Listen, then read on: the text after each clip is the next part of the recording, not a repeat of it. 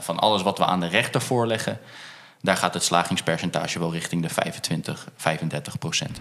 Mijn advies is, kijk altijd goed op het onderbord. Wat staat er? Als daar staat opladen of iets dergelijks, dan weet je, nou, ik mag daar niet zomaar gaan staan. En de Hoge Raad, ja, die, uh, die heeft er eigenlijk voor gezorgd dat je dus gewoon kan afbouwkleven. Ah, dat was, uh, daar kwamen echt vragen over in de gemeenteraad. En die Hm. wethouder moest bijna opstappen. En het haalde de landelijke politiek en noem het allemaal maar op. Allemaal door jou. Allemaal weer door mij, ja, het is ongelooflijk. Welkom bij de podcast Alle elektrische auto's. Wij Jury van Dam. en ik, Jasper Engel, maken deze afleveringen met alles wat jij moet weten over elektrische auto's. Hoe dat nou werkt met die laadpassen en waar je allemaal kunt opladen. Met de rijtesten over alle elektrische auto's, zodat je een goede keuze kunt maken voor je nieuwe elektrische auto. Zo nemen we de daadwerkelijke actieradius onder de loep en vertellen we je waarom er zo'n verschil is ten opzichte van wat er in die brochure staat. En wat mogen we verwachten van de overheid met subsidies en andere belastingvoordelen? Dit is de podcast Alle elektrische auto's. Welkom bij weer een nieuwe podcast. Alle elektrische auto's vanuit de IVA Driebergen. Vandaag de gast Nick Voorber, Voorbach van verkeersboete.nl. Welkom Nick. ja, dankjewel uh, Julian. Dus... ja, zo kennen we je weer. Ik maak er gewoon een grapje van. Jasper Engel, laten we die dan wel gewoon keurig uitspreken. Hey, super dat je hier bent. Uh, uiteraard eerst even de uitleg inderdaad van ja, wie kent jou onderhand nog niet? Voor die paar mensen die jou nog niet kennen of verkeersboete.nl, wil ik gelijk van wal steken. Wie ben jij en hoe ben je tot verkeersboete.nl gekomen?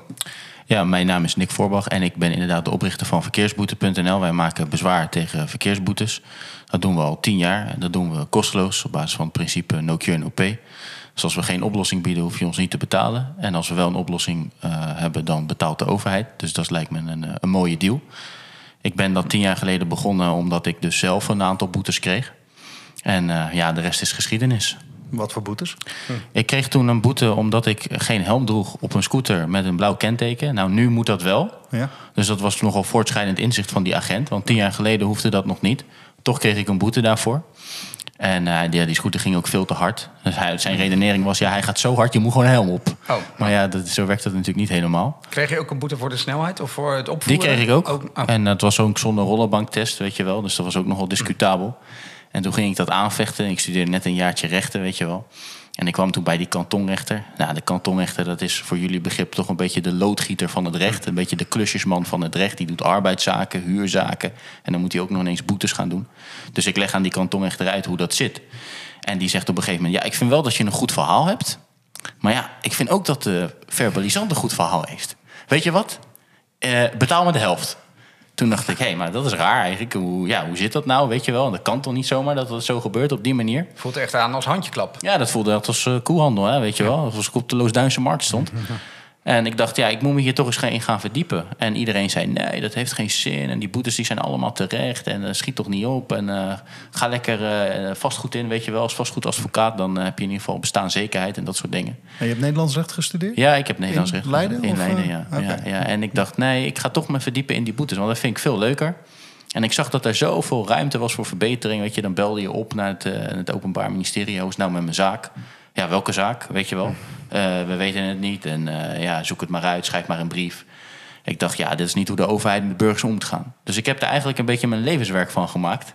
En het gaat nu een stuk beter. Zelfs zo goed dat ze nu... Hè, denk van, ja, misschien gaat het wel iets te goed. Nu kom je in de podcast terecht. Ja, precies. Onder meer. En dat is dan een mooi privilege. Ja. Uh, maar nu hebben we geloof ik uh, bijna 150.000 zaken gedaan, tien jaar later. Dus. En okay, hoeveel daarvan... Oh. Ja, Jongens, één tegelijk, hè? Ja.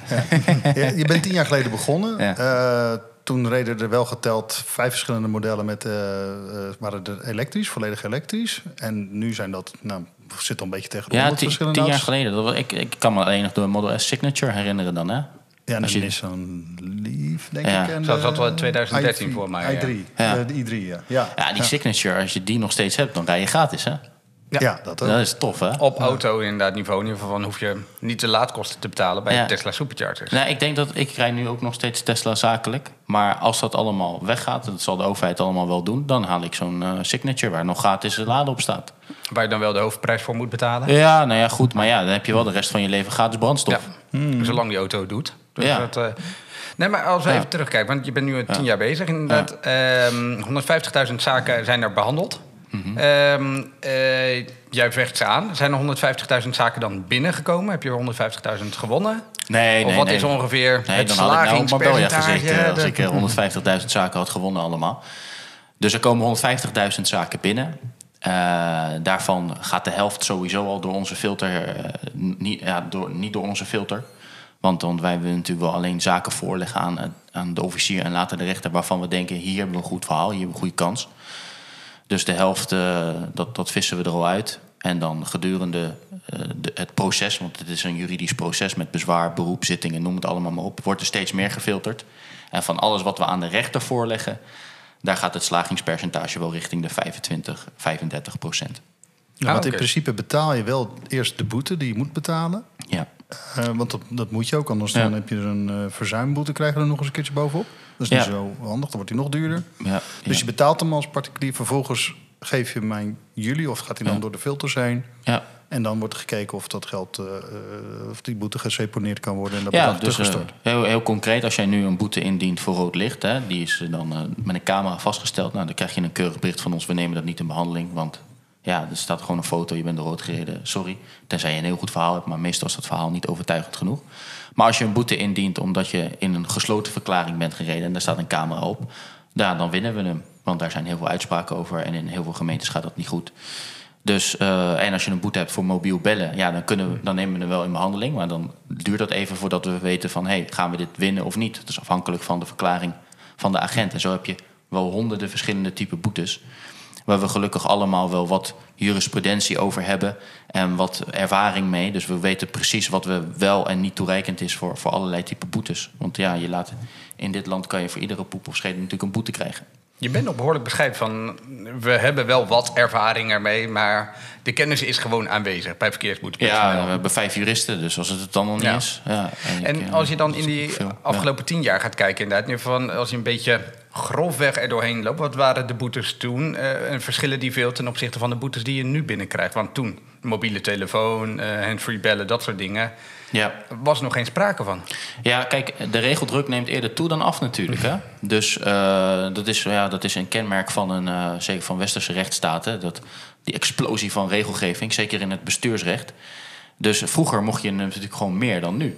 En wat met name onder druk komt te staan in mijn optiek zijn al die geautomatiseerde vormen van boetes. Scanauto's had je tien jaar geleden natuurlijk ook nog niet. Die heb je nu wel. En ik denk dat we naar de situatie gaan dat we over 10 of 20 jaar dat agenten bijna geen boetes meer opleggen. En dat alles door middel van camera's. eh, hè, dus een soort Big Brother. eh, Naar, dit- naar, naar zo'n samenleving gaan we echt toe, ja.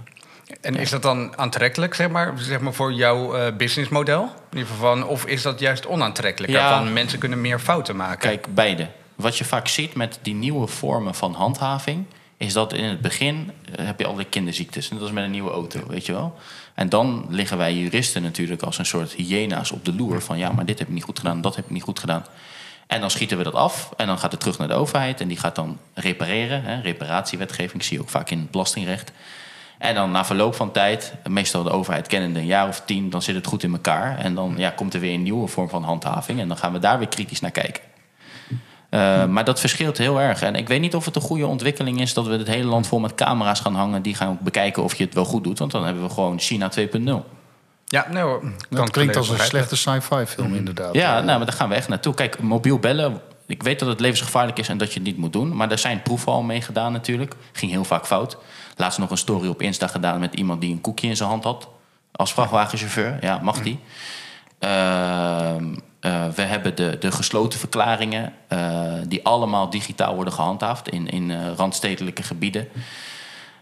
Dus we hangen heel dit land vol met palen met camera's. We zijn nu proeven met lawaai-flitspalen. Ik weet niet of jullie dat gelezen hebben. Ja. Ja, Ja. nou, dat wordt, wordt, wordt ook booming. Dus ja, hoe gaan we dat meten? Dus, stel nou dat er wordt gezegd, jij maakt te veel lawaai... en je vraagt het audiobestand op en dat is er niet. Of dat audiobestand maakt helemaal niet duidelijk dat jij het was. Dus er komen allerlei complicaties bij kijken. Maar dat is natuurlijk ook wel een beetje jurist eigen. Die is natuurlijk wel beren op de weg. Nou ja, moet mogelijkheden, goed meer. gebeuren. mogelijkheden in het Ja. belang van hun cliënt. Ja, ja, ja. ja. zo zou ik het duiden, ja. Ja, mijn vader is jurist, Ja, dus ja, ik weet een beetje hoe het ja, oh, werkt. ja, ja, ja, Fiscaal jurist. Gecondoleerd. Ja, dankjewel. Je hebt gelijk hebben en gelijk krijgen. Ja, dat, zal hij vaak zeggen. Ja, ja. Ja. ja. Ja, daar weten wij alles van als procesjuristen natuurlijk. Want wij doen niet anders. Kijk, je hebt verschillende type advocaten. Je hebt een beetje de advocaten die uh, geld verdienen met PowerPoint-presentaties. Nou, niks mis mee, maar dat, dat, vind ik niks. Weet je. Ik wil gewoon mijn verhaal kwijt aan die rechter. En die rechter proberen mee te krijgen. Uh, en dan is gelijk hebben en gelijk krijgen. Dat zijn twee verschillende werelden. Wij hebben dezelfde soort zaken. Nou, we gaan het straks hebben over die laadpaal en hoe dat nou precies zit. Dan leg je dat voor aan een kantonrechter in Roermond. Dan zegt hij, wat heb, waar heb jij het over? Joh? Je moet gewoon die boete betalen. En dan leg je het voor aan een kantonrechter uit... Uh, weet ik veel, Hoge Zand, Sappemeer. En dan zegt hij, nee, ja, meneer Voorbach heeft wel degelijk een, een terecht juridisch punt. Dan leg je dezelfde vragen voor aan rechters, krijg je verschillende antwoorden. Hm. Ja. Maar daar is jurisprudentie voor. Ja, en dan komt uiteindelijk een klap van de hoogste rechter. En daar gaan we het dus ook over hebben. Dan heb je dus twee hoogste rechters, namelijk het Hof Arnhem-Leeuwarden en de Hoge Raad. En die gaan allebei met elkaar concurreren. En die hebben allebei hun eigen visie. Dus... Uh, dat zie je nog wel eens dat de twee Hoge Raden het eigenlijk niet Nee, je hebt één Hoge Raad. Eén Hoge Raad, Je hebt één Hoge Raad. Maar het Hof Arnhem-Leeuwarden, dat is een bijzondere, recht, uh, bijzondere gerechtshof, omdat die dus in laatste instantie alles te maken doet, alles uh, behandelt wat te maken heeft met verkeersboetes. Maar dus daar kan je ook nog pleidooi houden, toch? Bij het Hof kan je. Uh, bij, bij, de Hoge Raad niet. Het is gewoon insturen. Toch? Nee, als jury, als, als je, alleen als advocaat kan je vragen om een, uh, om een zitting bij de Hoge Raad. Als je dus geen advocaat bent, kan je niet vragen om een zitting. Okay. Dus ik ben nog nooit bij de Hoge Raad geweest. Het enige rechtscollege waar ik nog niet ben geweest. Hm. Jammer voor ja. ze. dat is heel jammer. Ja. Okay. En dus je gewoon in ieder geval de laatste jaren is het natuurlijk in ieder geval de elektrische auto. Nee, jij rijdt er ook al een aantal jaren mee. Mm -hmm. um, en er zijn de afgelopen jaren in ieder geval ook wel wat uh, verhalen over geweest. Die, ja, de media die smult daar ook wel van. Um, ja, het laatste nog in ieder geval van, kwam met een, een voorbeeld op de proppen in Amsterdam. In Amsterdam, ja.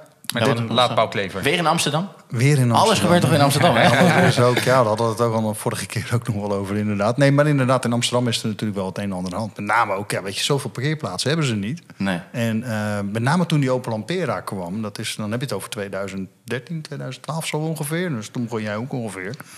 Um, nou, je woont met z'n uh, met z'n allen in zo'n blok, vier parkeerplaatsen uh, voor de deur. En wat doen zij? Ze zetten twee laadpalen daar neer. En dan mogen dan alleen maar de, toen nog een plug-in hybrid of een e-ref mocht daar doen parkeren. Nou, nu is het wel zo dat als je hem daar gewoon neerzet, kun je hem daar ook gewoon lang laten staan. En dan noemen ze dat meteen laadpaal kleven. Ja. En laden is niet hetzelfde als parkeren. Hoewel je natuurlijk wel heel lang staat te laden, dus ook mm. die periode staat te parkeren. Maar niet hetzelfde te doen. En ja, dan staan er heel veel van die bordjes ook bij, uh, uh, bij, dat, bij dat laden zelf, bij die, uh, bij die laadpalen. En de ene keer zegt het uitsluitend, en de andere keer ja. staat er weer wat anders. En ik Opladen denk ook voor de 10 en 10, ja. ja. Verschillende onderborden, ja. Ja, inderdaad. En, en wat, wat maak je daar nou eigenlijk allemaal in mee? Want 1300 uur parkeren, dat is overigens meer dan een jaar geleden is dat gebeurd. Ja. Maar op zijn minst asociaal, ja. maar dus niet in overtreding. Nou, het hangt een beetje af van de tekst van het bord. Kijk, als daar staat dat uh, zoiets van als de auto is volgeladen en ik mag hopen dat het met 1300 uur dat het inmiddels is volgeladen, ja. dat hij dan weg moet, dan is die een overtreding. Ja. Uh, als daar verder geen uh, duidelijk onderbord staat, dan zou je daar nog over kunnen discussiëren. maar dit is in alle gevallen wel in strijd met de wet. Nee, ja, juist niet, want dat, dat is eigenlijk het, het gekke. Ja, er stond geen bord bij. Er, stond, er stond geen bord. Nee, ja, tenminste wat ik zo zag, stond er geen bord. Ja, dus, en, nou, dat verklaart een hoop. Ja, want als die man natuurlijk elke dag een boete krijgt, dan staat, is hij snel weg, of mevrouw. Ja. Uh, maar als er geen bord staat, ja, dan handel je niet in strijd met een bord. Kijk, het, het hele RVV is gebaseerd op gedragsregels of borden. Misschien even voor de luisteraars, RVV staat oh, voor? Reglement verkeersvoorschriften en verkeerstekens. Dat is een beetje, dat moet je dus leren als je je rijbewijs gaat halen. Ja, dat staat er dan niet letterlijk in die theorieboekjes, maar alles is gebaseerd op het RVV. Nou, en het RVV die heeft een bepaling over uh, parkeren. Die zegt van ja, je mag niet parkeren in strijd met een, bepaald, uh, uh, met een bepaalde tekst op een bord. He, dus als er staat uh, laden en lossen, nou, dan mag je alleen daar laden en lossen, mag je geen andere dingen doen. Nou, en de, de, de gemeenten zijn vrij om zelf te bepalen wat ze op die borden neerzetten. En de meeste borden die kloppen inmiddels wel. Maar tien jaar geleden was het natuurlijk anders. Dus, want wanneer speelde dit? Een jaar geleden of tien jaar? Dit is een jaar geleden, mei 2022. Uh, dat ja. zou ook nog kunnen. Uh, maar goed, als er helemaal geen bord staat, ja, waar moet die agent dan voor schrijven? Nee, hij is, hij is, hij is dus niet beboet. Het ja, is dus precies. gewoon... Hé, hey, maar we moeten toch met z'n allen iets van vinden. Want het is gewoon... Die houdt gewoon een laadplek nee, ik, zou je hem nog, ik zou je hem nog romantischer geven. Die zaak ken jij ook nog wel. Dan zou ik wel een plaatje opnemen voor op ons eigen kanaal. Um, ik had op een gegeven moment een zaak met aan de ene kant van de straat een laadpaal... en aan de andere kant van de straat het bord. Dus normaal staat dit bord natuurlijk achter die laadpaal. Maar dit keer was dat omgedraaid. Dus dat is gewoon natuurlijk een domme fout. Dus die cliënt van mij, die parkeert aan de zijde van dat bord... waar dus geen laadpaal was, want die laadpaal stond aan de andere kant. Ja, dan zou ik denken, nou, daar zou ik niet moeilijk over doen als gemeente zijnde. En dan komt een BOA en die schrijft een boete. Die zegt, ja, nee, maar ik handhaaf op het bord. Hij zegt, ja, maar BOA is handhaving, buitengewoon opsporingsambtenaar. Ja, precies, van de gemeente. Ja. Ze van, ja, maar wat... Meen je dit nu serieus? Ik bedoel, dat, die laadpaal staat toch daar? Ik bedoel, als ik hem daar had neergezet... dan had ik nog wel begrepen van... joh, dan hinder je iemand. Maar hier hinder ik niemand. Jullie hebben dat bord gewoon aan de verkeerde kant geplaatst. Nou, de rechter die ging er natuurlijk gelijk in mee. Maar ook die officier van justitie... die zei van, ja, maar ja, ja formeel heeft hij natuurlijk wel een punt. Want hij handhaaft inderdaad op het bord. En dat weet meneer Voorbach ook heel goed. Ik dacht van, ja, maar in zo'n land wil je toch niet leven? En dat, en dat is ook zo mooi. Dan komt er dus een zaak en een eh, hè, het wordt, boete wordt vernietigd en zo. Maar het bord staat nog steeds aan de verkeerde kant. Wordt niet actief opgehandeld. Nee. Dat- dat- Zo heb ik ook eens een keertje meegemaakt dat een boze buurtbewoner... die wilde niet dat er veel voor zijn deur geparkeerd was. Die pakte een emmer gele verf Ja. en die ging die rand geel schilderen. Ja. Ja, je goed. volgt ons op TikTok of niet? Nee, eh, eh, nee heb je je dat gisteren...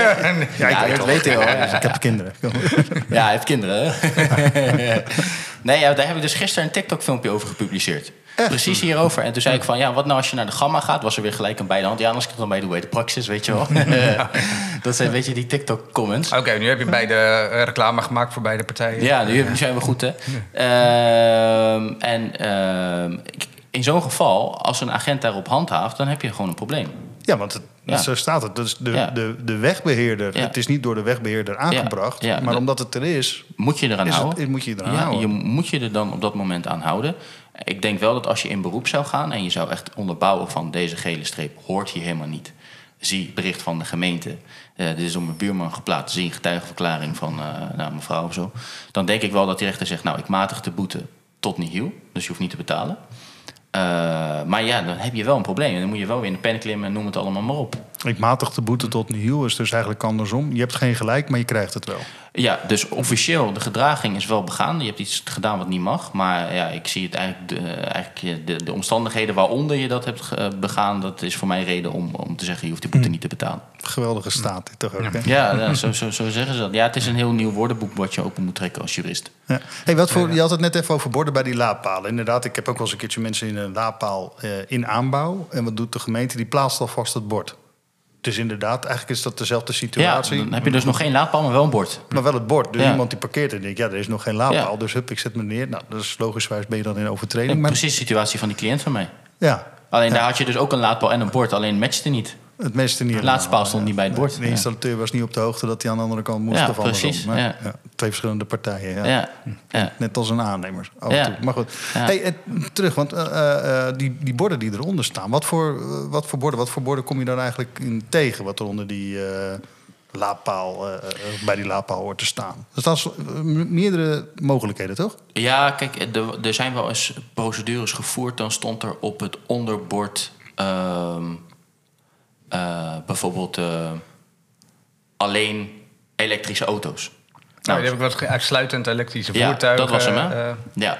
Nou, moet het, wat je vaak ziet dus, is dit soort procedures worden dan gevoerd. Dan win je een paar zaken. En dan ineens wordt in heel Nederland dat aangepast. Dat kan, gaat echt heel snel dan. Maar alleen elektrische auto's, ja, als ik hem daar dus neerzet. Ik heb een elektrische, jij hebt een elektrische, jij hebt een elektrische Ja. auto. Wij mogen daar gewoon staan.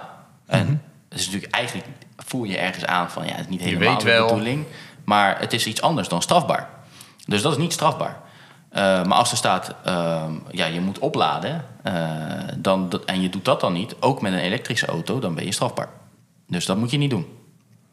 Dus eh, mijn advies is, kijk altijd goed op het onderbord.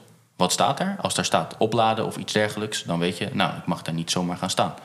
Maar als daar alleen staat eh, voor bestemd voor elektrische auto's of iets in die trant, zonder het het elektrische opladen, voertuigen. ja, dan mag je daar gewoon staan. Ja. Ook als je niet staat te laden. Ook als je niet staat te laden. Ja. En, en, en Ja. dan krijg je toch een bekeuring, want dat weet natuurlijk die, die BOA die je net, die weet dat Ja. niet. Dus je krijgt die bekeuring en dan doe je hem naar Ja, dan heb ik het binnen, denk binnen drie maanden geregeld. Want dan zal de officier van justitie die zal dat gelijk vernietigen. Want die is bekend met, de- met de rechtspraak daarover.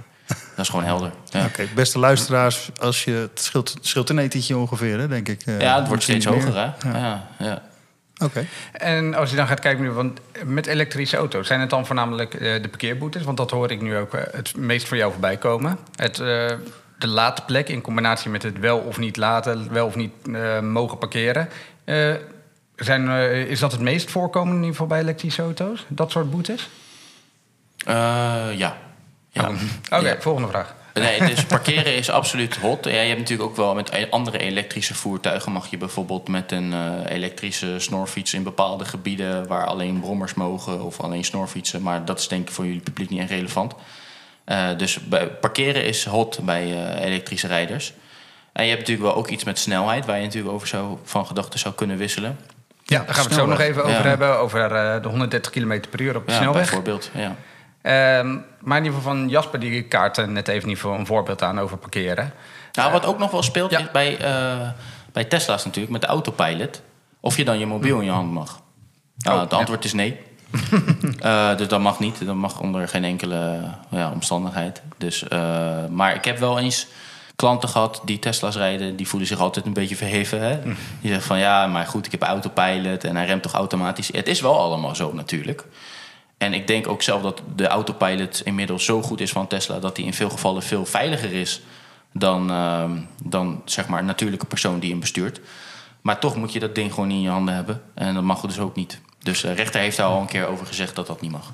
In basis in ieder geval vind ik persoonlijk dat autopilot de verkeerde benaming is. In ieder geval, ja, is niet volledig automatisch. Je, uh, je moet altijd nog bij de les blijven. Ja, verkeershulpassistent, zoiets. ja, om het even groot is goed als je scrabbelt, hè? Dan, ja, nog makkelijker. ja. Maar autopilot en marketingtechnisch, uh, tuurlijk, van Elon Musk, eh, het bekt wel lekker. Ja. Uh, maar in ieder geval van, Jasper had net een voorbeeld in ieder geval van, oh, met uh, laadpalen en dat de lader er nog niet staat en het bord wel. Ehm, ja, ik zie jou, ik heb het laatst ook even naar jou doorgestuurd in ieder geval van, ik kreeg een boete, terechte boete aan de ene kant in ieder geval van, want ik had in ieder geval niet geparkeerd. Uh, sorry, ik had niet betaald voor het parkeren. was bij Langevelde Slag, uh, Noordwijk. Uh, toen kreeg ik, moet je mij even helpen in ieder geval, was een naheffingsaanslag. Ja. En ik begrijp, een naheffingsaanslag, in ieder geval van, qua facturatie, is dat weer anders, waar de inkomsten terechtkomen, dan een gewone verkeersboete. Ja, klopt. Dus een gewone verkeersboete, die krijg je van het CIB. En die betaal je aan het CIB. En dit is eigenlijk een belastingmaatregel. Dus dat is een parkeerbelasting, hè, eh, herkenbaar aan de palen of parkmobile. En die betaal je dan. En als, je, als, je, als, je, als dat wordt opgelegd, wordt dat opgelegd door de gemeente. En betaal je dat ook aan de gemeente, rechtstreeks aan de gemeente. Dus die ging naar de gemeente Noordwijk toe? Ja, en dat waren op de laadplekken. En daar hebben ze het nog over hoor. Ja, de ja. ja. die dikke boete. Ja. Stomme was, was ook gewoon de tweede keer. Ik, had gewoon, eh, ik geef de kinderen weer de schuld. Ik ging naar het strand. Ik zat Kon jij wel gelijk betalen trouwens daar op Noordwijk? In verband met het vlakbij het stand natuurlijk. En dan heb je misschien geen goede verbinding. Uh, stadsparkeer. Ja, nou, uh, ik heb een goede Samsung telefoon, 5G. Hoppa, uh. Nou ja, ik, zou, ik heb dus een oh, vijf tot zes jaar geleden heb ik daar een keer een zaak over gehad. En er was een meneer die op hetzelfde parkeerterrein als jij betaalde. Want toen was er nog geen 5G. Uh, voor zover dat überhaupt relevant is, maar dat was het toen nog niet. En hij zegt, ja, ik wilde betalen, maar ik kon geen verbinding maken op het, met internet, want het was vlakbij het strand. Hm. Dus ja, wat moet ik doen? Nou, ik ben naar een, een restaurant gelopen en ik heb daar verbonden met wifi en ik heb alsnog betaald. Vraag, is die parkeerbon terecht? Nou, volgens mij van is het zo. Op het moment dat je bezig bent die van, om uh, je, je bonnetje uit de automaat te halen of uit de paal te halen, zeg maar, dan mag je niet beboet worden. Maar ik weet niet of dat officieel zo is of dat dat. Ja, wat denk jij? Ja. Jij bent nou, docent, ik... Jij weet het wel. Nou, nee. Hallo. Dat uh... denkt het te weten. Uh, je bent te alle tijden verantwoordelijk dat je aan je verplichting voldoet. Ook als de laadpaal, of de laadpaal, maar de parkeer, de manier, dat, mijn vader noemde dat het offerblok, dat je als je daar geld in stopt, als die het niet doet, dan ben jij daar zelf verantwoordelijk voor. Dus je kunt namelijk niet zeggen, ja, maar hij deed niet, of er zat zand in, of de wifi die was er niet. Want dan krijgen we natuurlijk, dus ze zeggen gewoon nee, beste bestuurder. Je bent gewoon aansprakelijk. Dus jij zegt eigenlijk die bon is terecht en Jury zegt die bon, nou, ik denk dat Nee, ik zeg niet dat die terecht is, want dat is, dan zou het mijn mening ook weer zijn. Ik denk dat hij die bekeuring gewoon moet betalen. Ja. Oh, en jij denkt? Ik denk dat hij hem uh, niet hoeft te betalen, in ieder geval, omdat hij bezig is in ieder geval om ja, te parkeren. En, uh, ja, nee, dan moet ik toch zeggen dat Jury in deze gelijk heeft. Ja. Want uh, wat de rechter heeft gezegd van ja, jouw klant was eigenlijk constant bezig met het verrichten van uitvoeringshandelingen die erop waren gericht om de parkeerbelasting te voldoen. zijn ook weer krachtige termen allemaal, maar ik denk wel dat we een beetje begrepen waar die rechter heen wil.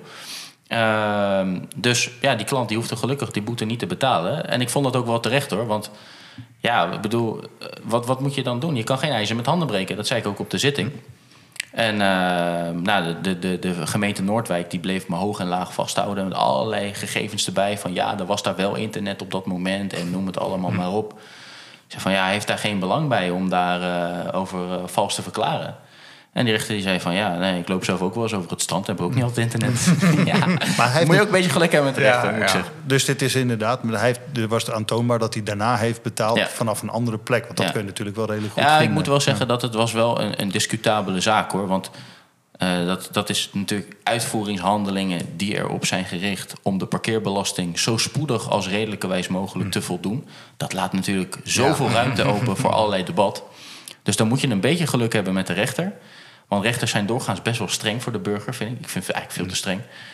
Uh, maar deze rechter die, ja, die ging bijna met pensioen volgens mij. En die had zoiets van, ja joh, uh, dag. Die ik gun het niet, ik ken zijn cliënt. Ja, nou, heb, uh, dus, maar goed, als je in Noordwijk bent, check altijd of je, of je wel of geen internet hebt. Als je geen internet hebt, kan je nog eens goed verhaal hebben. Ja. Behalve bij die rechter die er waarschijnlijk niet meer is. Nee, nee. Maar nee. het opvallende was wel in ieder geval van... oké, ik kreeg terecht niet voor een parkeerboete. nou, zo naheffingsaanslag. Maar er stond een Tesla naast mij. Uh, we hebben het wel vaak over Tesla, maar ja, er zijn er ook heel veel verkocht in Nederland. Ja. Uh, die stond daar. Die stond niet te laden op een laadplek. Twee plekken nog eens daarnaast stond een Peugeot 5008, geen plug-in hybride. Uh, dus die kon nog ineens laden. Die Tesla die kreeg geen boete. Die Peugeot die kreeg wel een boete, omdat hij met zijn auto daar niet mocht staan. Die mannen, die, uh, de BOA's, die liepen nog rond. Ik had het even gewoon mondeling bij ze nagevraagd. Ik zeg, ja, hoe zit dat eigenlijk? Ik was even nieuwsgierig. Ja, wat zeiden ze toen? Ze zeggen, ja, nee, um, die uh, instructie hebben wij niet meegekregen... in ieder geval ja. om daarop te beboeten. Ja. Dus maar ja, de ijsauto, de internal combustion, de brandstofauto... die niet kon laden, kreeg wel een boete. En de Tesla die, niet, die wel kon laden, maar het niet deed... die kreeg geen boete. Ja. Uh, wat vind jij daarvan? Ja, dat is dus allemaal door mij. Ja, ja. oké. Okay, dat is nou ja, een, wat, een nikboete. Ja, nou, wat, dus uh, dat die Tesla geen boete kreeg, ja, dat komt uh, goed. dat denk ik wel door dat arrest van de Hoge Raad wat ik heb uitgelokt. Hoe was de situatie eerst, dus voor het arrest van de Hoge Raad? Was het heel simpel. Als jij met een elektrische auto aan het laden was, maar hij was vol, dus je was aan het laadpaal kleven, ja. dan kon jij een boete krijgen en het Hof zei: de boete is terecht. Nou, daar kon je dus niks meer aan doen, want het Hof is, zoals ik eerder heb uitgelegd, de laatste instantie. Mm -hmm. Maar dat geldt niet voor die parkeerbelastingzaken waar jij het over had. Nou, nou is het zo in die parkeerbelastingzaken, dus die Navix-aanslagen, waar we het net over hadden, had met die cliënt in Noordwijk en zo. Nou is het zo dat jij dus geen parkeerbon kan krijgen als jij parkeert in strijd met een wettelijk voorschrift. Dus als ik ergens sta waar ik, niet, waar ik helemaal niet mag staan, dan kan ik wel een mulderboete krijgen. En dus een, van het CIB, ja. maar geen uh, belastingaanslag van de gemeente. Omdat ik geen parkeergeld betaal. Dus en, denk even aan dat criterium. Ja. Hè? Dus in strijd met een wettelijk voorschrift parkeren. Dus op een gegeven moment komt er een cliënt bij mij, hoogleraar in de genetica. Die zegt, ja, ik uh, moet naar mijn dochter. Ik heb een parkeerbon gekregen. En uh, ja, ik vind hem eigenlijk niet terecht, want uh, allemaal argumenten. Ik denk, ja, daar gaan we het niet mee halen. Maar ik zeg, wat rij je eigenlijk? Hij zegt, ja, een BMW i3. Ik zeg, oh, een elektrische auto. Ik zeg, oh, en stond jij op een elektrische plek? Ja. Ik zeg, was die vol? Hij zegt, ja. Ik zeg, ja, maar dan parkeer jij eigenlijk in strijd met een wettelijk voorschrift. Je bent gewoon een laadpaalklever. Dan kan je wel hoogleraar genetica zijn, maar ook dan mag het niet. Hij zegt, ja, maar goed, dan kan ik misschien een andere boete krijgen. Ik zeg, nee, dat kan gelukkig niet. Zo, dat, zover is onze rechtsstaat inmiddels wel ontwikkeld. We kunnen niet met terugwerkende kracht ineens allerlei boetes gaan opleggen.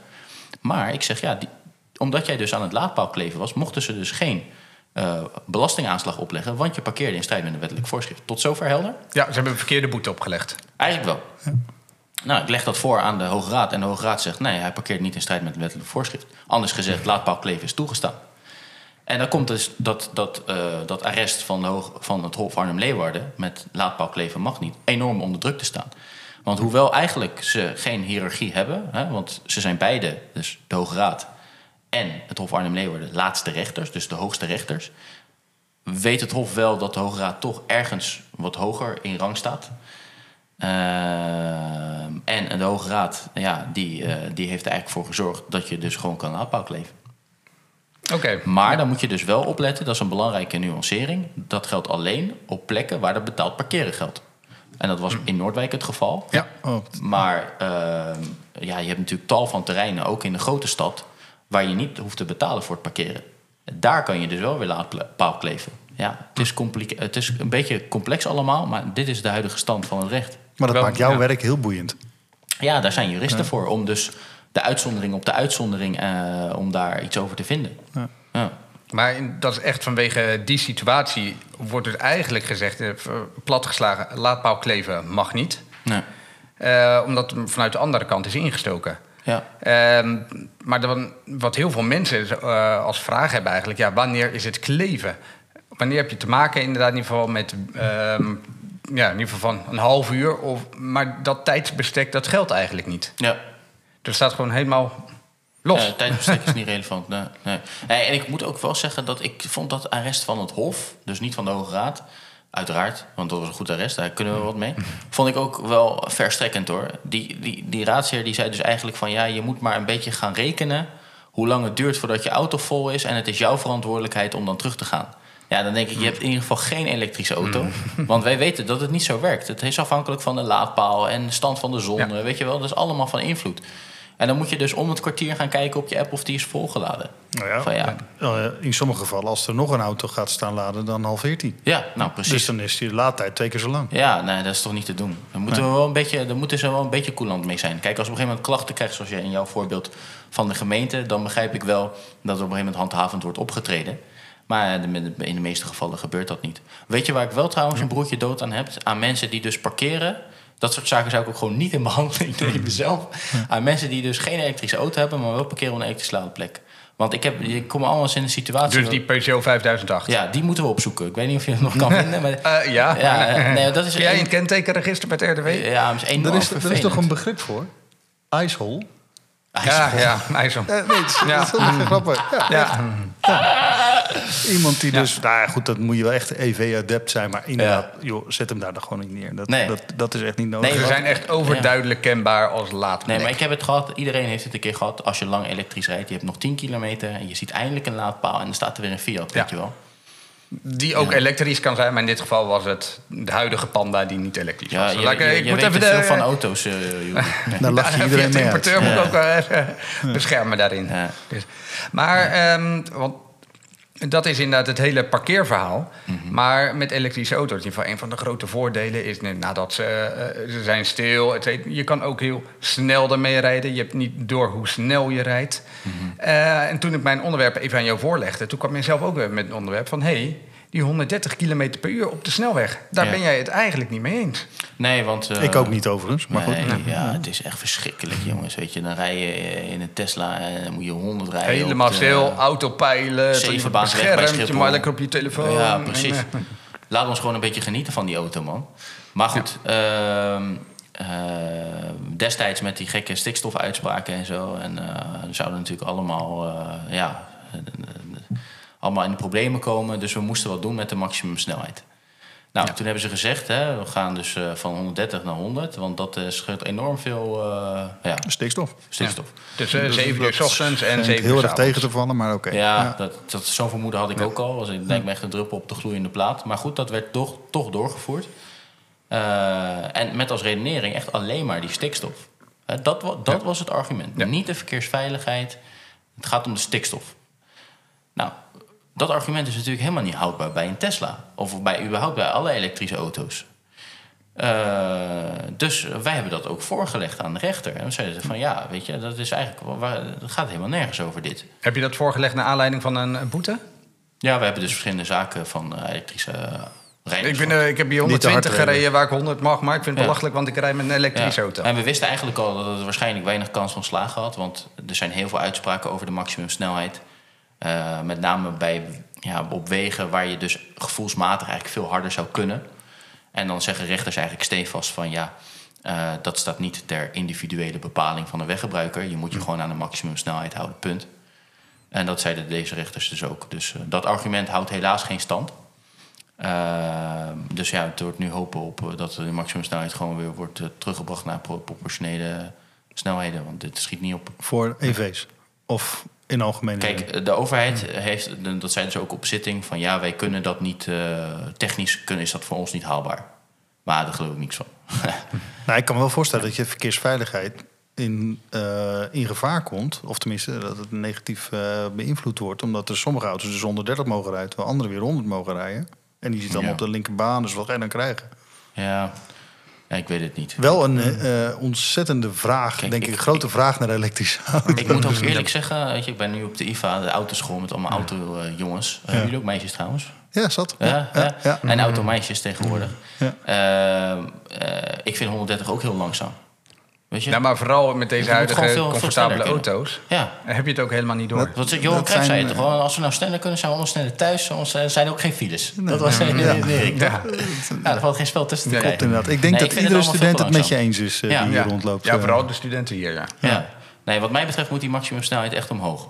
Uh, ik vind 130 veel te, veel te langzaam. En zeker ook na 7 uur. En dan wordt er gezegd van ja, maar dit is gevaarlijk. Maar door Veilig Verkeer Nederland altijd, weet je wel. Die zijn het overal mee oneens. Die willen binnenkort ook dat je als voetganger een helm op hebt. Dus uh, ja, ik, ik, weet het niet. Ik, uh, volgens mij valt het allemaal wel mee. Nou, dat is wel inderdaad, want ze hebben dus die helmplicht voor fietsers, ook voor elektrische fietsers. Nu hebben ze het voor die snorscooter, de, de, ja. de, de blauwe kentekenplaat waar jij het uh, ja. even over had. Jouw eerste ervaringen met boetes. Uh, goed, daar hebben ze het verplicht op gesteld. Maar in andere landen is een helm op een fiets ook al wel verplicht. Ja. In Amerika rij je op een motor zonder helm. Ja. Nou, dat is ook al lang niet meer. Ja. Maar op een fiets hebben ze allemaal een helm op. Ja, ja. Nee, maar omdat ze daar natuurlijk ook geen goede fietspaden hebben en zo. Nee, ja, nee de wegen zijn fantastisch. Op de motor is stukken veiliger inderdaad. Ja, dat ja. Is, uh, ja. Ja, ja, goed, dat zijn allemaal uh, interessante maar dingen. ze doen het niet, omdat ze dan zeggen... ja, maar dan werken wij dus. Want dan gaan minder mensen fietsen, omdat de helmplicht als een bezwaar wordt gezien voor gebruikers. Dus nou ja, dan moet ik ook een helm op, je, pak lekker de auto weer. Ja. Dat is de reden waarom, volgens mij nog steeds de reden waarom we dus geen helmplicht hebben voor fietsen. Ja, oké, dat wist ik niet. Ah, zo leer nog wat op de IFA. Ik ben, eh, zo zie je maar. Volgens mij, hè. Ik bedoel, ik heb wel een fiets, maar ik zit eerlijk gezegd ook niet zo heel vaak op. Dus, nee, nee. Maar inderdaad, als ze zeggen, je moet een helm op als ik naar, eerlijk gezegd naar de Albert Heijn fiets. Ja, weet ik niet hoor. Dat uh, nee, kijk, gaat ik, bij mij niet vliegen in elk geval. Nee, het is, dat is, we moeten iedereen even ook een beetje zelf weten. Maar ik wil niet in een land leven waarbij de overheid zoveel regelt joh, voor burgers. Hè, dadelijk gaan ze ook nog regelen voor ons hoe we moeten nadenken en zo. En, dan nemen ze alle pijntjes weg, zelfs de pijn van het nadenken. Dat hoeft niet van mij. Wij, wij zijn mondige burgers. Wij kunnen prima ons eigen leven leiden. Daar hebben we de overheid niet bij nodig. Okay. Dat is een beetje mijn, uh, mijn visie. Maar goed, uh, 130 en dat geldt ook in het verkeer. 130 ja. km per uur, uitsluitend voor elektrische auto's. Want ik kan me voorstellen dat luisteraars dat heel graag willen weten. Van, mag ik dan wel eens een keertje nee, 130? Mag niet. Dat gaat ook niet gebeuren. Nee, ja, na 7 uur. Ja, ja. oké, okay, maar je niet als uitzondering op nee, nee, uh, de ICE. Nee, nee, Nee, nee, nee. Dus geen onderscheid in maximumsnelheid. Wel dus voor parkeren. Daar hebben we dus wel wat privileges als elektrische autorijders. Maar voor het overige niet. Over het algemeen is het sowieso zeg maar, voor elektrische auto's dat de parkeerplaatsen vaak bij de ingang van nou, de Efteling, et cetera, van de supermarkt, et cetera zijn. En vroeg mijn vader ook laatst in ieder geval van, heeft niks met verkeersboete.nl te maken. Maar waarom is dat nu eigenlijk? Nou, puur in ieder geval vanwege de installatiekosten. Uh, toen heb je veel minder kabel nodig, in ieder geval om naar die laadpaal te trekken. Dus is het goedkoper. Maar oké. Okay. Um, wat ik wel nog even wilde hebben, Jasper die had het ook even, en jij ook, over uh, de snorfiets. Aan de andere kant die van, hebben de auto en daartussenin hebben we eigenlijk in ieder geval van de kleine, nou, de, de Biro, de Citroën Ami, de Opel e-rock allemaal wat in Amsterdam. Je kent alle auto's uit je ogen. Dat is niet normaal, hè? Mij wel. Uh, ja, nou, dat is weer mijn werk. De man van het boekje, uh, wist u dat we een EVR-boek uitgeven? Ja, ja, um, boek, ja. Maar dat is het parkeren het in ieder geval van, uh, van die auto's. In ieder geval, vooral in de stad. Ah, heel interessant, heel aantrekkelijk. Uh, maar wat zijn de uitzonderingen? Wanneer mag het wel, wanneer mag het niet? Want je ziet ze te pas en te onpas. Uh, op de stoep staan, parkeren, um, soms ook rijden. Dat mag niet. Je hebt het nu over de Biro? Ja, de Biro. En die heeft de, een paar concurrenten erbij gekregen. Dat zijn die uh, meisjes in het gooi, toch? Die dat zo'n autootje ja. hebben. Precies, ja. Nou ja, even chargerend, hè. Nu, van, ik weet niet of ze ook luisteren, maar die jongens in het gooi ook. ja, die voelen zich nu gediscrimineerd. Ja, hallo, wij hebben hem ook. Nee, ja, dat um, uh, voor, uh, voor de Biro, dat is denk ik categorie brommobiel. Op vier wielen. Daar gelden eigenlijk dezelfde regels voor als voor auto's. Dus je mag niet op de stoep parkeren. Uh, je bent parkeerbelasting verschuldigd. Dat is natuurlijk anders met, eh, snorbrommers. met, met, ja, kijk, met snorfietsen is ook nog wel een interessante. Want als jij dus je snorfiets in een parkeervak zet, dan ben je ook parkeerbelasting verschuldigd. Ah, Daar je moet hem juist niet over- erin plaatsen. Nee, je moet hem niet op de, in een parkeervak plaatsen. Je denkt, oké, ik hou de stoep vrij, et cetera, Ja. voor de, Ja, de voor ook, kinderwagen. eh, of, daar, eh, daar kan het best een. Ik had laatst een keer zo'n eh, zo'n motorscooter, dus dat is dan officieel een motor. En die hadden hem in een keurig in een parkeervak geparkeerd. Ja, dat had hij dus niet moeten doen. Gewoon op de stoep zetten, want op de stoep wordt het gedoogd. Hè? Mag eigenlijk ook niet, maar er wordt sinds jaar en dag overal in Nederland gedoogd als jij je motor eh, op de stoep parkeert. Eh, maar als je dat niet doet en je parkeert hem in een parkeervak, daar waar betaald parkeren geldt, ben je gewoon parkeerbelasting verschuldigd. Dat geldt dus ook voor de bureau. Eh, maar die mag je dus niet op de stoep zetten in mijn beleving. Die moet je in een parkeervak zetten met, en parkeerbelasting betalen. Maar een bureau, je kan twee bureaus op één parkeervak zetten. Ja. Eh, kunnen. moeten ze allebei betalen? Ja. Oké, allebei hetzelfde. Het is niet zo Ja. van, we gaan er samen staan, we betalen één keer Nee. voor het parkeervak. Ja, Nee. dat is ook eens een keer aan de hand geweest met Smart. Eh, toen Oh, de ja? eerste Smart, 97 was dat, eh, toen die kwam, waren er ook een paar Nog hele handigers. Die, die, die- wat was die, 2,5 meter lang of zo, die eerste? Worden die nog gemaakt, Jury, die Ja, smarts? nee, daar komen we er weer aan. We gaan hem binnenkort deurtesten bij het EV-jaarboek. Eh, Oh, gaaf. De hashtag One is dat. Echt een gezinsfamilieauto. Ja, mooi. Hij staat hier in elk geval wel. eh, staat, er staat in elk geval een elektrische Smart, staat er Ja. zeker ook nog wel Ja. in. En dat, die lijkt nog heel erg op dat model van 1997. EV-jaarboek, ook heerlijk voor op het toilet. Hè? Neem je een keer niet je mobiel mee. Moet je eens kijken. Ja. Dus even voor de mensen die, die onze kanaal via. YouTube bekijken. Pakt en ook natuurlijk meteen stories. goede Lotus met 2000 pk. maar Ja, nee, is, maar eh, ik, ik heb er handen voor. Hè. Dat blijkt maar weer. Ja. Of Nee. een boek luistert gewoon Ja, naar jou. ja, en ja. In Met de bijtelling inderdaad van 10.000 euro per maand. Of, eh, maar, Ja. Ja. maar jij zei toen met de smart. eh, Nou, die, die hadden twee van die auto's achter elkaar gezet op één parkeervak. En die zeggen, joh, je betaalt toch per parkeervak, toch per plaats. En als je nou met z'n tweeën op kan, dat is volgens mij ook nog wel een heel ding geweest. Toen zei die rechter dus uiteindelijk ook van, ja, nee, wacht eens eventjes, je betaalt per voertuig. ja, klopt. Ja. Jammer. Ja, dat staat dus in al die belastingverordeningen, staat dat. Er staat precies wanneer je dus belasting verschuldigd bent. En dat is dus als je een voertuig eh, eh, ja, parkeert op een aangewezen betaald parkeerplek. Ja, Maar goed om te weten. ja, daar hebben we ook veel ja, zaken is- over natuurlijk. Want eh, dat is dan weer het woordje aangewezen. Dus wat wij altijd doen is, we vragen dan allerlei documenten op van de gemeente. En we zeggen van, nou, la- laat maar zien dat het is aangewezen als betaald parkeerplek. In grote steden is het allemaal goed geregeld. Maar soms kom je nog wel eens wat kleinere steden tegen. En dan moeten ze dat allemaal nog goed netjes eh, invoeren. En dan gaat het wel eens mis. Daar hebben we best wel veel zaken ook op gewonnen.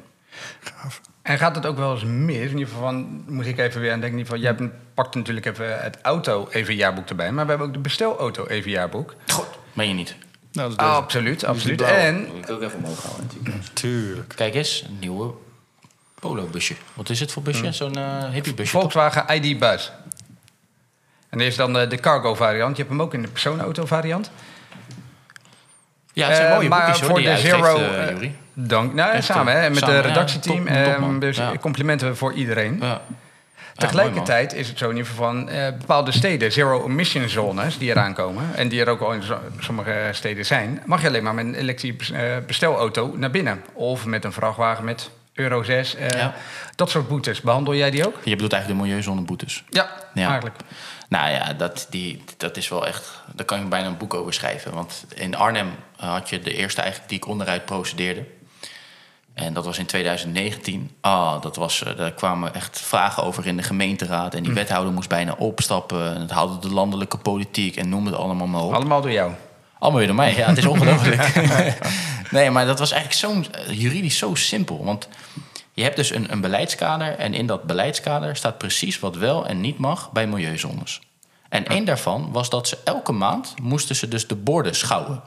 Dat betekent dat er een, een, een, een, een, een BOA van de gemeente, we hebben eerder uitgelegd wat een BOA is, Ja. die ging dan kijken of al die bordjes daar nog stonden. Die maakte dan een eh, proces verbaal op en die zei: Ja, die bordjes die staan daar nog en die staan daar goed. En die PV's die waren altijd procesverbaal, die waren altijd, die moesten gearchiveerd worden. Ja, die moesten, netjes worden opgeslagen. Ja, zodat, zodat als er bez- iemand bezwaar maakte en die zei: Ja, maar die borden stonden er niet, dat ze dan dat konden laten zien.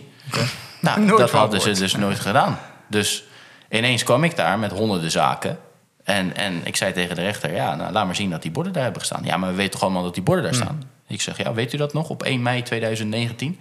We zijn nu twee jaar verder dat, eh, dat dat bord daar op de juiste manier staat. Misschien heeft iemand wel een vuilniszak eroverheen gedaan. Dus het strafbaar feit zou alleen zo zijn als die overtreding naast het bord was begaan. Waarin je dus het bord, als het gefotografeerd is, Ja. op het bord en het voertuig. Dus Ja, je maakt hem nu al complexer dan het eigenlijk is. Want het is eigenlijk heel simpel. Als jij dus zegt dat bord stond er niet, dan moet, de, dan moet de gemeente en de officier van justitie aantonen dat dat bord er wel heeft gestaan. En dat konden ze niet, want ze hadden dus geen rapportjes die dat onderbouwden. die PV's die waren er helemaal Nee, niet. en Google Maps, eh, daar had je ook niks aan op dat moment. Nee, dus, je eh, maar één keer per jaar reizen door zo'n ja, wijk. bijvoorbeeld. Nou, en eh, dat, ja, de- in het Dus begin heb jij allemaal in één keer gewonnen. Ja, in het begin deden ze daar moeilijk over, die kantonrechters in Gelderland. Want eh, ja, die woonden daar natuurlijk allemaal. Die wisten dat die borden daar stonden. Maar toen gingen we een stapje hoger naar het Hof. En die zitten in Leeuwarden. Nou, die zeggen, ja, dat, maar hij heeft gelijk. Dus eh, dat, dat klopt niet, dat hebben jullie niet goed gedaan. En zo volgden ook milieuzones in Rotterdam en noem het allemaal maar op. En nou is dat allemaal wel redelijk waterdicht. Nou valt daar weinig aan te doen aan eh, milieuzones. Oké, nou heb ik een, Nu, eh, moment. een, een, een klassieke auto, een klassieke bestelauto op een trailer staan. En ik krijg een bekeuring. eh, omdat ik met een elektrische auto, die zit daarvoor. Die, Ja. die, die oude diesel die staat op zo'n trailer, omdat hij naar een museum Ja. moet of zoiets. Krijg een Ja. bekeuring, want Ja, nee, hij dat, wordt geregistreerd. dat, nee, maar trekkend voertuig is altijd aansprakelijk. En niet het maar voertuig wat ze maken wel een foto en ze sturen gewoon automatisch die boete naar je op. Ja, spreekt uit ervaring? Of is het gewoon heel, ja, nee, dit het. heb jij meegemaakt? Ja, oh, nou, de Volkswagen Taro. dan moet je dit echt even op 100% naar me doorsturen. Dan ga ik echt werk van maken. Dat wil ik dan eh, wil ik Dat is al een jaar of vier geleden. Oké, nee, maar in principe moet dat gewoon... Heb je bezwaar gemaakt? Eh, weet ik eigenlijk niet, volgens mij niet eens. Ja. Eh, jawel, jawel, jawel. Ah, ja, jawel, jawel. nee, zat, je moet op een gegeven ja. Nee, kom. Eh, nee, nee, nee, maar die auto die stond inderdaad op het trailer. Ging niet naar het museum, maar Ja. ging op een gegeven moment wel naar de schade. En, en ja, dat ding, dat reed milieu, milieuzone reed die in. En, Ja, hij reed niet. eh, Er was nee, een niet. oplegger. Nee, Maar belachelijk. daaronder zat dus een oplegger met een kenteken. Ja. Dus ik weet niet eens meer precies. Maar volgens mij, we hebben er een keertje hard om gelachen. Van, moet je nou kijken. Ja, nee, maar ja, kijk, het is natuurlijk belachelijk. En dat is helemaal geen terechte boete. Dus eh, Maar hij is Nou. automatisch. Dat is jouw eh, slechte sci-fi film eigenlijk. Als Ja. we alles door camera's laten doen. Ja, ja, nee, dan gaan we dit soort dingen krijgen. En dan is het... Kijk, je hebt dan keurig op tijd betaald. Maar er zijn natuurlijk ook heel veel burgers in Nederland die hun post niet openen. Nou, die mensen belanden echt in de problemen. Die krijgen een verhoging en nog een verhoging en een deurwaarder. En zelfs nog een, kan er zelfs een gijzeling aan te pas komen. En dan zegt de rechter, nou, ga maar zitten. En dan Oh. sta je dan met je oplegger. En dat noemen ze dan gijzeling. Dat noemen ze gijzelen, ja. Oké. En dat wordt gewoon allemaal afgetekend. Jeetje. Want waarom is het dan eigenlijk zo? Want je, je kaart nu eigenlijk iets aan wat wij heel normaal vinden. Je krijgt een boete thuis. Maar ja, je, je hebt DigiD overal voor nodig. eh, berichten inbox van de overheid. Waarom krijgen we nog eigenlijk alles per post? Niet Nou, meer de DigiD, boetes krijg je ook via DigiD. Oh, dan krijg ik Dan gelukkig moet je misschien een vinkje aanzetten, Ja. maar dat, dat kan je ook via DigiD krijgen. Oh, Oké, Zo kwam- daarmee ontkom ik er niet aan. Nee, dat is geen... eh, oh, ik kan niet de postbode bij mij de schuld geven. Nee, nee, nee. Maar er gaat natuurlijk wel veel mis met PostNL. Ik vind het eigenlijk ook nog belachelijk dat wij allemaal communiceren met de overheden en ook met de rechtspraak. Vaak via de post. Erg omslachtig. Ja, Maar ja, dat. eh, tijdsherovend, kostbaar. Ja, ook allemaal. Ik heb gewoon vier mensen die alleen maar zitten te scannen. We hebben gewoon kratten tot het plafond. Ja, belachelijk. En je moet alles bewaren. Ja, ook, maar gelukkig scannen we het dan in. Dus dan hebben we het in ieder geval Ja. digitaal. Maar ja, het is natuurlijk niet echt heel erg efficiënt. Nee, dat heeft natuurlijk ook weer met de veiligheid die betrokken is bij mail. Niet dat een eh, postregel dan ineens heel Ja. veiliger is. Maar er zitten natuurlijk heel veel slechte mails in. Plus mensen die ja, mail openen en zoiets. Ja. Als ik kijk bij de studenten, en daar spreek ze regelmatig ook op aan. Niet iedere student die houdt helemaal keurig zijn mail bij hoor. Terwijl wij als docenten best wel veel met mail via mail doen. Ja. Ja, tegenwoordig, ja, wie leest er nou nog mail, man? Dat is zelfs als een fax. In, Stuur gewoon een appje. Ja, de docent. Ja, en zelfs dat kan het niet via Snap. Dat is eigenlijk nog Zo. beter. Ja. TikTok, nou, dat weet je nu. Ja, ja, ik heb kinderen. ja. Nee, ja, mijn eh, mijn kinderen zijn nog te jong, die zitten er nog niet op. Dus, eh. Nee. Mijn Maar- kinderen doen. Ja, weet ik niet eigenlijk. Ja. nou ja, in ieder geval, van, die zullen vast op zitten. Dan kunnen ze Nick daar in ieder geval daarop volgen. Ja. Ehm, gezien de tijd inderdaad, die van, eh, moet ik hem nu Ja, echt ik gewoon reken per even uur, hè, jongens. Eh, Ja, da- da- daarom.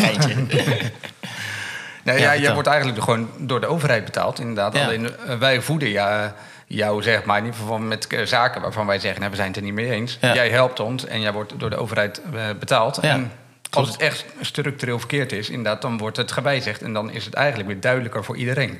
ja, dat, is, dat gebeurt. Dat had is het een beetje wel hadden het circle even of life bij mij, ja. Ja, nou super. Je had het wel over die milieuzones, die echt in 2025, die komen er nu ook echt aan. Met name voor bestelauto's, voor vrachtauto's. Daar gaat natuurlijk echt ontzettend veel gedonder over komen. Want er zijn ook al uitzonderingsregels Ja. alweer beschikbaar. Plus, wel, wat wordt dan uiteindelijk echt die milieuzone? Hè? Dat is dat ook nog een beetje rekbaar. En dat komt in 2025, komt dat? 1 januari 2025, dan mogen in de regel, bestelauto's met een dieselmotor mogen er niet meer in. Tenzij eh, 2024 geregistreerd er zit een ontheffingsregeling. Maar ook op basis van het werk wat ze moeten doen. Want het is bijvoorbeeld heel onhandig als een ambulance op een gegeven moment ergens naartoe moet. En die auto is niet vol genoeg om dat te kunnen bereiken of zoiets. Dus er zijn wel. Maar die dieselmotoren die zijn tegenwoordig toch ook super schoon. Ja. Ja, Nou, super schoon wil ik Nou. niet zeggen. Maar ze zijn, ze, ze zijn als geheel worden ze wel gedemoniseerd, inderdaad. Dat is En wel ik heb ook wel een stukje gelezen, maar dan gaan we wel heel erg off-topic. Maar dat dus eigenlijk, eh, de, als je het over de hele levenscyclus van zo'n auto... met de batterijen en zo, dat is natuurlijk ook, komt ook niet uit de lucht vallen, zo'n batterij. Er moet ook gewonnen worden met Ja. materialen. En dat is ook een erg milieubelastend eh, traject. Hoe, hoe zit dat nou? Wat is nou, wat is nou schoner voor het milieu? Nee, ja, Helemaal. dat is heel lastig te bepalen. Eigenlijk Ja. heb je de cradle-to-grave verhaal inderdaad, Ja, de precies. CO2-uitstoot. Misschien moeten we daar ook eens een keer in ieder geval een podcast over maken. Ja. Want dan gaat het echt... eh, waar wij gewoon hier in Nederland naar kijken... is in ieder geval van wat stoot zo'n auto uit. Dat die in China of net over de grens in Duitsland geproduceerd wordt... in ieder geval in China, nou, daar hebben wij niet zoveel last van die uitstoot... van die accuproductie. Als het net in het Roergebied gedaan wordt... Nou ja, dan wijt dat Nederland binnen. Daar valt in alle gevallen valt daar wel wat over te zeggen. Wij, nou, de overheid heeft het wat dat betreft makkelijk gemaakt. Wij kijken naar de CO2-uitstoot van auto's. Eh, en daar worden allerlei maatregelen opgenomen. Waar nog wel eens eh, naar gekeken kan worden. Maar En wat je, Ja. wat je ook nog dan toevoegend is ook, want ook een, een kilowattuur heeft ook een bepaalde CO2-voetafdruk. Maar wat je nou wel ziet, bijvoorbeeld eh, 2019 zat er nog op 370 gram per geproduceerde kilowattuur. En nu is dat, nu ik geloof 272. Dus we zijn ook telkens groene stroom aan het produceren. Dan moet je die er ook in meenemen. Ja, dat is is een heel lastige rekensom, hè? Nou, er zijn eh, gekke verhalen geweest dat je minimaal 700.000 kilometer mee moest rijden. Wil dat dan op een gegeven moment eh, wil die dan minder belastend zijn Ten opzichte van? Dus? Van een benzineauto. Oké. En vervolgens werd dat ook weer gerectificeerd. Eh, maar ja, goed, dan, dat, dat pikt de media dan weer niet op. Ja. Dus, eh, en wat we bijvoorbeeld ook moeten leren... Is de media dan tegen elektrisch rijden, bedoel je? Of? nee, nou, niet, niet zozeer, maar er zijn wel echt wel... Kijk, weet je, toen de, de, de EV1 van General Motors op een gegeven moment kwam... dan praat je over 1996. Nou, toen waren er meteen stond er een hele groep in Amerika op van... oh, EV is helemaal fantastisch. En ook meteen kwamen er ook weer mensen die kwamen in tegenbeweging. Altijd. Ja, precies. En dat, dat heb je nu ook. Ja, interessant. Nee, dan moet je zeker in, in, in duiken. daar pakken we wil hem wel weten in hoe een dat nou zit, podcast weet je in wel. terug. En, eh, welke variabelen zijn er nu inderdaad? Ja. Of jij jouw Tesla inderdaad met je zonnepanelen oplaadt... Of met je eh, gesaldeerde kilowattuur. Of, eh, Ja. ehm, of met de, de bruinkoolcentrales in Duitsland. ja. Daar valt nog wel wat over te zeggen. Ja. Maar als we inderdaad even hier de podcast afronden met verkeersboete.nl... zou ik het leuk vinden. Ik zet je natuurlijk nu wel een beetje voor het blok neer. Van, heb je nog een paar juicy voorbeelden? Of heb je nog een, een gouden tip? Zeg maar, die je onze luisteraars kan meegeven voordat we hem hier afsluiten. Poeh, ehm, nou, ik heb dus gisteren, of eergisteren, een filmpje gemaakt over de rollerbank. Eh, Kennen jullie die nog? Van Ja, vroeger? ja, ja, ja. heb er wel eens Ja. op gestaan. Ja, ja. En, Ik heb er wel eens van gehoord. Je hebt er wel eens van gehoord. En bij die rollerbank bij jou, hè? Ja. Ehm, ging die agent toen op de scooter zitten? Of niet? Of moest je dat zelf gaan Eh, doen? weet je mij hoe toen oud ik ben? Zeg maar, niet, dat is wel heel lang Nee, geleden. eh, bij mij toen niet. bij jou niet? Nee. Voor mij, bij mij wel. Bij jou wel. Ja. Nou, officieel, hè, daar, daar zijn ook gewoon regels voor. Moet een agent erop gaan zitten? Dat gebeurt in heel veel gevallen niet. De motor moet voldoende gekoeld zijn. Hè? Dat is dus ook belangrijk dat je niet helemaal uh, je flink geen schade gas... aan de motor eventjes wachten. Eh, en natuurlijk al die certificering met de rollerbank zelf moet getest zijn... en de agent die moet eh, voldoende opgeleid zijn. En ik denk wel dat eigenlijk dat dat een beetje de, de mindset is van een jurist. Dus wat ik zie bij burgers die zelf bezwaar maken... in de eerste zin zeggen ze ik heb er spijt van.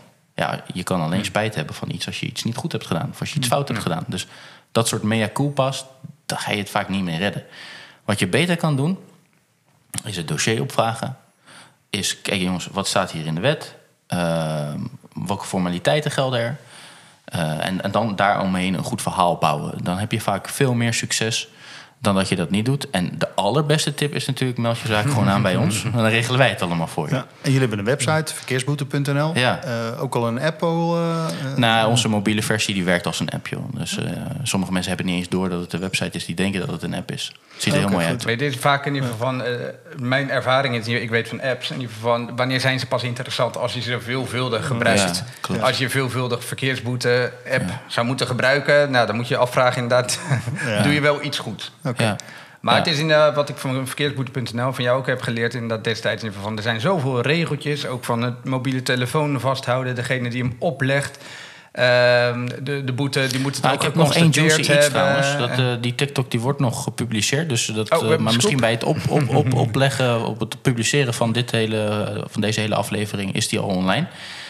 Ehm, het is jarenlang zo geweest dat eh, als je dan bezwaar maakte tegen een boete, dat het soms tot wel jaren duurde voordat je daar iets van hoorde. En dan zei je op een gegeven moment van ja, het duurt nou vijf jaar. eh, hoe lang gaat het nog duren? Er zijn gewoon rechtszaken gevoerd over boetes. Dat heeft gewoon in totaal tien jaar geduurd. ja, dus dat is natuurlijk bizar. Nou, en eigenlijk overal in het recht zie je dat daar consequenties aan worden verbonden. Want ik bedoel, als wij burgers onze belastingaanslag niet op, taal- niet op tijd betalen, als je dat als bedrijf nu hebt, moet je invorderingsrente betalen. Dan krijg je aanmaningen, krijg je dwangbevelen. En als je je belastingsschuld dan nog steeds niet op tijd betaalt, dan word je gewoon opgesloten. Gevangenisstraf. Begrijp ik ook wel ergens, want eh, ons land draait niet als we natuurlijk niet die belastinginkomsten innen. Maar wat mag je dan verwachten van de overheid? Mag je ook van de overheid verwachten dat ze op tijd beslissen? Welke, consequenties heeft de, welke consequenties gaan we eraan verbinden als ze niet op tijd beslissen? Maar ja, wat is op tijd? Op tijd is binnen twee jaar. Oké. Dus als ik nu bezwaar maak tegen een boete, dan moet ik over twee jaar een uitspraak van de rechter hebben. Nou, dat moet toch wel lukken? Twee jaar, jongens, kom op zeg. En in heel veel gevallen lukte dat toch niet. En welke consequentie werd eraan verbonden? Nou, precies niets. Tot vorige week. Vorige week heeft de rechter gezegd: Ja, nou ben ik het zat. Ik ga de boete matigen met 25%. En je krijgt de proceskosten als burger betaald. Die proceskosten loopt dan al fout, ga ik fout tussen de 500 en de 1000 euro op. Die is wel voor ons, dus daar krijgt de burger niet heel veel van mee. Soms wel. Ehm, maar ja, dat is natuurlijk wel een, een, een, een goede ontwikkeling. Dat we de, de overheid op die manier scherp houden. Maar dan wordt de boete niet kwijtgescholden, je krijgt een korting. Je krijgt een korting erop. op de ja, boete. Je krijgt een korting. En dat En is heb je 25%. dan nog, wordt dan nog steeds wel jij aangemerkt, in ieder geval als zijnde, eh, je bent een fout begaan? Eh, ja, die, Je bent fout begaan, je krijgt alleen wat korting. Nee, nee, wij nee. het, Kijk, eh, is, is- lang... er wordt ook gewoon gekeken naar de inhoud van de zaak. Dus het kan best zijn dat die rechter zegt van... ja, maar is- deze boete is onterecht, dus je hoeft helemaal niet te betalen. Maar stel nou dat die rechter zegt van... nou, de boete is terecht. Dan nog moet hij die 25% korting toepassen. En als, dan, als het langer... Dus, zeg maar even dat het twee jaar mag duren. Als het langer duurt dan vier jaar, krijg je 50% korting. strafvolkorting. Dus- Eh, heb, heb je nou voorzien in de juice voor het weekend of nog niet? Nee, ik, Eh, ik, dat wel, ik vat hem heel gelukkig niet zulke eventjes langlopen. Als je een bekeuring krijgt, Ja. eh, ook als je, met name als je staande gehouden wordt, van, nou ja, weet je, vertel eventjes, dan vertel alsjeblieft ook niet, van, ja, sorry, ik zat helemaal verkeerd, want dan neemt die agent dat dan mee in het PV, denk ik. Waarschijnlijk wel, ja. Waarschijnlijk wel. Dus als jij spijt betuigt, beken je eigenlijk ook schuld. Ja, Niet klopt. doen. Vaak wel. En snel jullie inschakelen. Eigenlijk gewoon proberen, want die filters die je automatisch, Ja. als het niet ontvankelijk Ja. wordt verklaard, dan Ja. kun je. Maar bij de staande houding is mijn advies altijd ontken. Want van bekennen is nog nooit iemand vrijgesproken. Dus ik zou gewoon zeggen van als je het niet gedaan Kijk, als- natuurlijk als je het ook niet gedaan hebt. Hè. Kijk, als je het gedaan hebt, is het voor ons ook bijna niet te doen. Nee, tuurlijk niet. Tenzij het een geautomatiseerde boete is, dan gelden al mijn formaliteiten. Maar als jij bent staande gehouden en je weet zeker dat wat die agent heeft gezien, dat is niet gebeurd, ontkennen. Zeg van je klopt niet wat je hebt gezien. Punt. En dat was in coronatijd, was dat heel interessant. Want dan moest je afstand houden. En er werd er Ja. heel vaak volgens mij niet staande gehouden. Ja, klopt. Ja, ja, dan gaan we terug tot 2020. Ja, je weet net niet wanneer die weer komt, maar hopelijk niet. ja, nee. Afkloppen. Nee, nee, maar dat zal nu wel goed gaan. Maar dat was, eh, ja, dat, dat eh, haalde Kamervragen. eh, eh, Want al die boetes die werden eigenlijk kwijtgescholden. Van, Ja, je moest houdt. houden. Want het kon prima in de buitenlucht, was de redenering van het Hm. Hof. En het Openbaar Ministerie die zei nee, het mag van de staande houding worden afgezien. En ja, de rechter dacht er anders over. Dus er gingen ineens heel veel boetes door de prullenbak heen. Ja, dat was prachtig. Ja, voor jou, ja. Volkomen begrijpelijk. Eh, Nick, elke keer, ik probeer er wel af te sluiten, maar Ja. het onderwerp is zo interessant. Eh, we hebben er allemaal waarschijnlijk ooit in ons leven één of, sorry, meerdere keren in mijn geval mee te maken. Eh, hopelijk zoveel, zo weinig mogelijk.